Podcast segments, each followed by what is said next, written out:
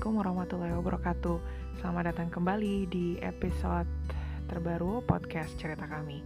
Teman-teman, mungkin beberapa dari kita sering kali mendengarkan musik entah sebagai hobi, untuk mengisi waktu, melepas penat atau stres, bahkan menemani ketika kita belajar.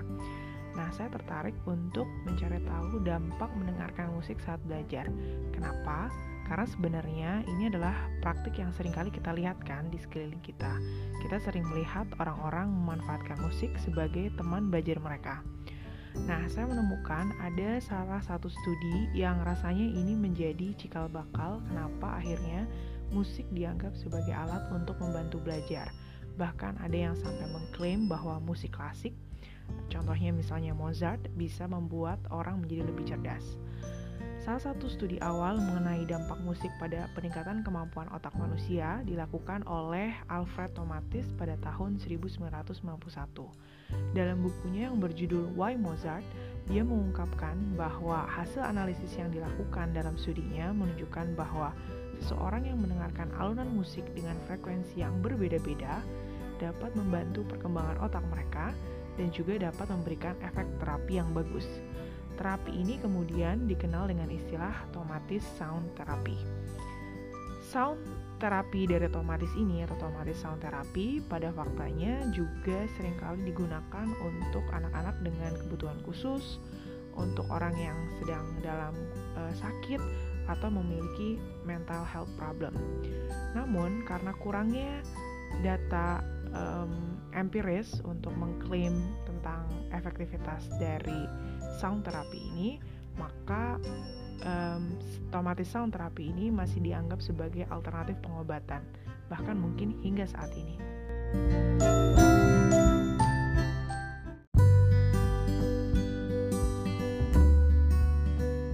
Nah, tidak lama setelah uh, tomatis sound uh, terapi ini um, menyebar di masyarakat, pada tahun 1993 ada peneliti bernama Rauser yang dia melakukan penelitian dengan kawan-kawannya menemukan bahwa mendengarkan musik klasik yang kompleks seperti Mozart ternyata dapat meningkatkan skor ujian para partisipan yang menjadi um, subjek dalam penelitian eksperimen mereka.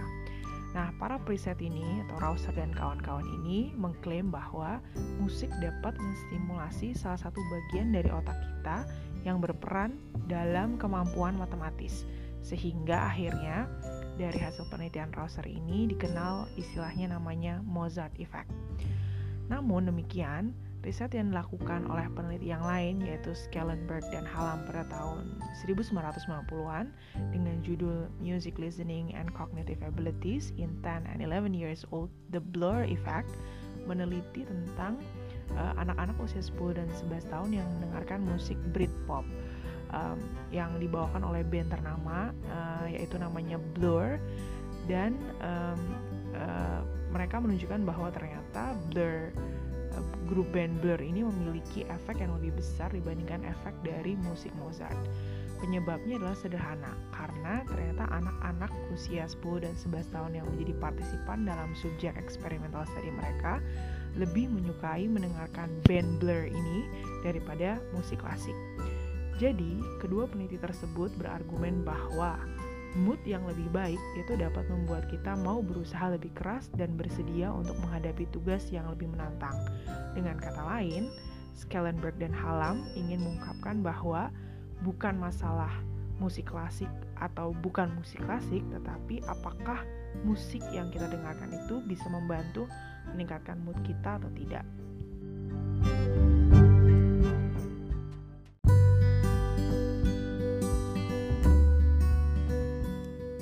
Nah, sekarang kembali ke pertanyaan yang membawa topik podcast kali ini. Apakah musik itu baik didengarkan ketika kita sedang belajar.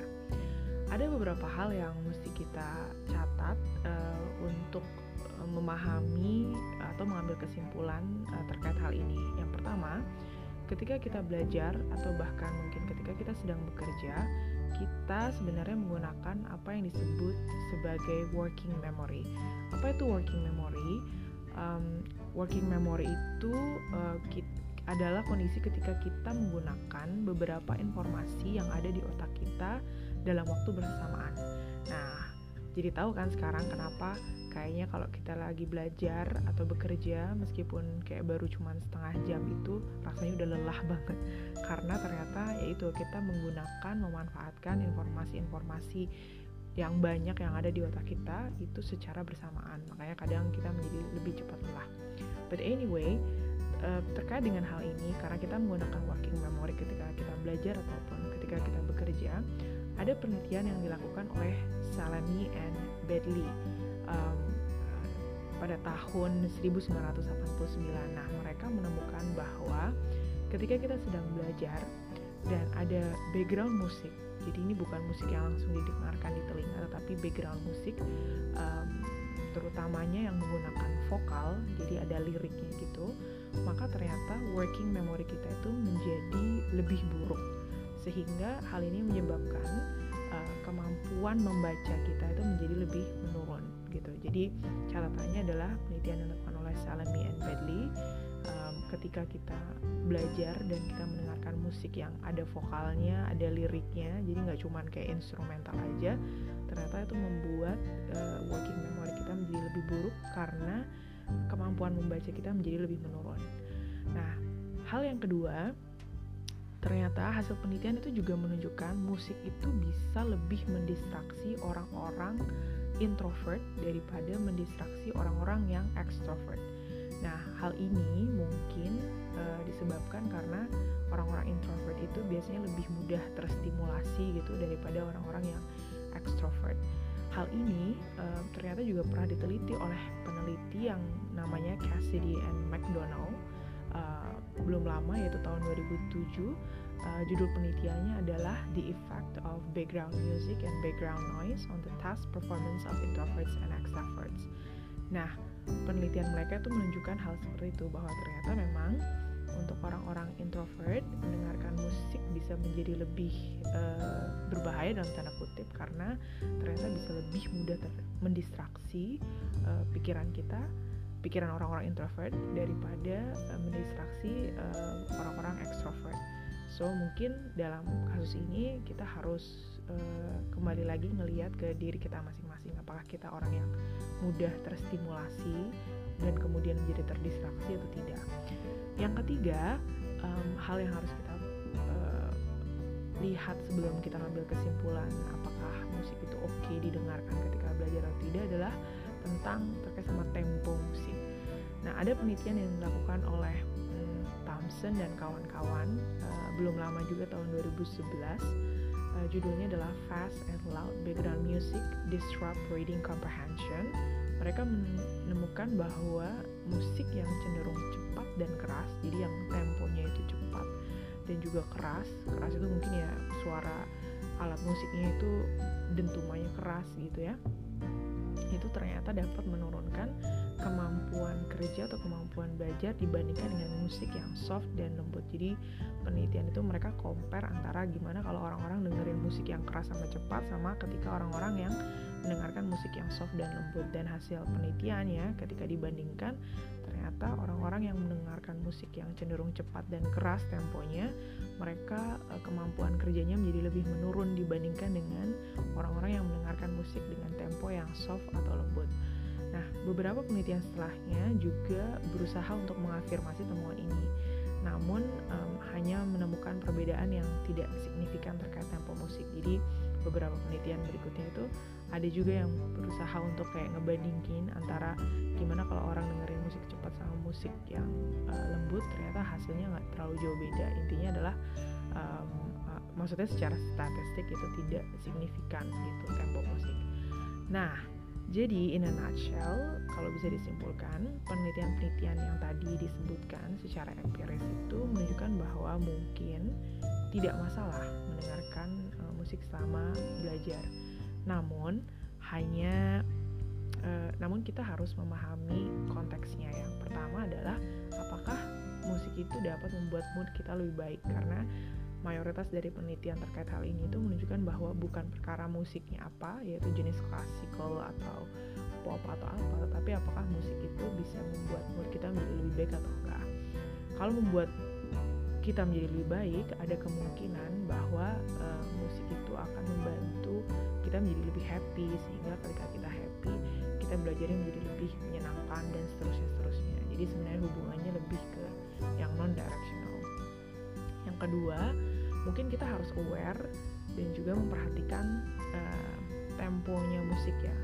Jadi uh, musik yang kita dengarkan sebaiknya tidak terlalu cepat atau mungkin terlalu keras temponya karena um, paling tidak beberapa penelitian itu menunjukkan bahwa uh, tempo yang keras atau cepat itu bisa menurunkan um, kemampuan kerja atau kemampuan belajar seseorang. Yang ketiga, ada baiknya mungkin memilih jenis musik yang tidak ada liriknya. Karena uh, tadi lagi-lagi mengacu pada hasil penelitian yang sudah dilakukan orang yang mendengarkan musik dengan lirik dengan yang tidak mendengar yang tidak ada liriknya ternyata uh, kemampuan membacanya itu berbeda. Sehingga mungkin we have to consider like listening to music yang gak ada liriknya yang keempat nah ini mungkin kita harus consider juga apakah kita termasuk tipe orang yang mudah terstimulasi tadi terkait sama introvert sama extrovert ya. Jadi kalau misalnya kita orang yang mudah terdistraksi maka mungkin sebaiknya ya nggak usah dengerin musik ketika belajar. But uh, the other way around kalau misalnya kita termasuk orang yang nggak masalah dengan noise atau suara apa pun ya mungkin boleh-boleh saja. Jadi itu kesimpulannya. Silahkan teman-teman apakah kamu termasuk yang senang mendengarkan musik ketika belajar atau bekerja?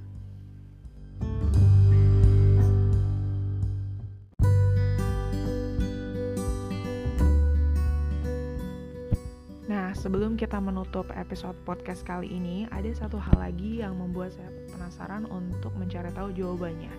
Adalah bagaimana jika yang kita dengarkan itu bukan musik, melainkan lantunan ayat suci Al-Quran. Karena ada beberapa juga kan yang mengklaim bahwa mendengarkan ayat Al-Quran ini lebih baik dibandingkan dengan musik klasik. Nah, apakah ini sebatas klaim atau ada bukti empiris yang mendukung?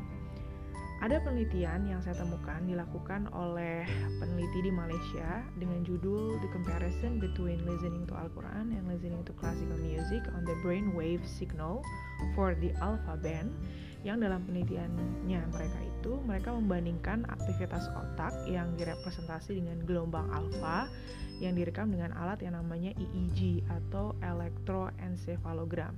Biasanya EEG ini tuh dipakai untuk mengukur aktivitas otak, khususnya untuk misalnya orang-orang yang punya uh, sakit epilepsi atau punya gangguan sakit kepala dan lain-lain. Nah, jadi mereka merekam uh, bagaimana aktivitas gelombang alfa dalam otak orang-orang yang mendengarkan Al-Qur'an dengan orang-orang yang mendengarkan musik klasik dengan alat EEG ini. Gelombang alfa itu apa? Gelombang alfa ini muncul biasanya ketika kita itu lagi relax atau lagi santai. Dan ini juga sering kali diasosiasikan uh, untuk menghubungkan antara pikiran sadar dan alam bawah sadar sehingga bisa dibilang uh, bahwa gelombang alfa ini adalah uh, pusatnya kreativitas dan juga kecerdasan uh, otak manusia gitu. Jadi uh, kalau misalnya kita pengen kreatif gitu um, bekerjanya lebih optimal maka sebaiknya gelombang alfa yang bekerja di otak kita itu harusnya lebih besar. Kira-kira kurang lebih kayak gitu.